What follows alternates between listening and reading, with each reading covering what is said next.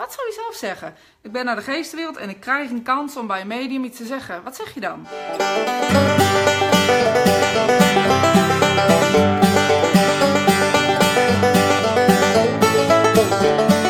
uh, naar de geestenwereld bent, wil je maar één ding naar je geliefde en zeggen: Het gaat goed met mij en ik ben er nog.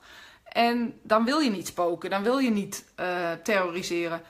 Dat neemt niet weg dat mensen wel klopgeluiden horen, dat mensen uh, allerlei verschijnselen hebben waarbij hun geliefde dus eigenlijk duidelijk wil maken: Ik ben er nog en ik zorg voor je.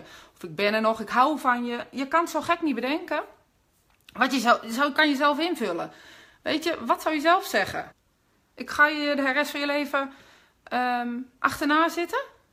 Nee, dan zeg je: Ik hou van je en ik bedank je.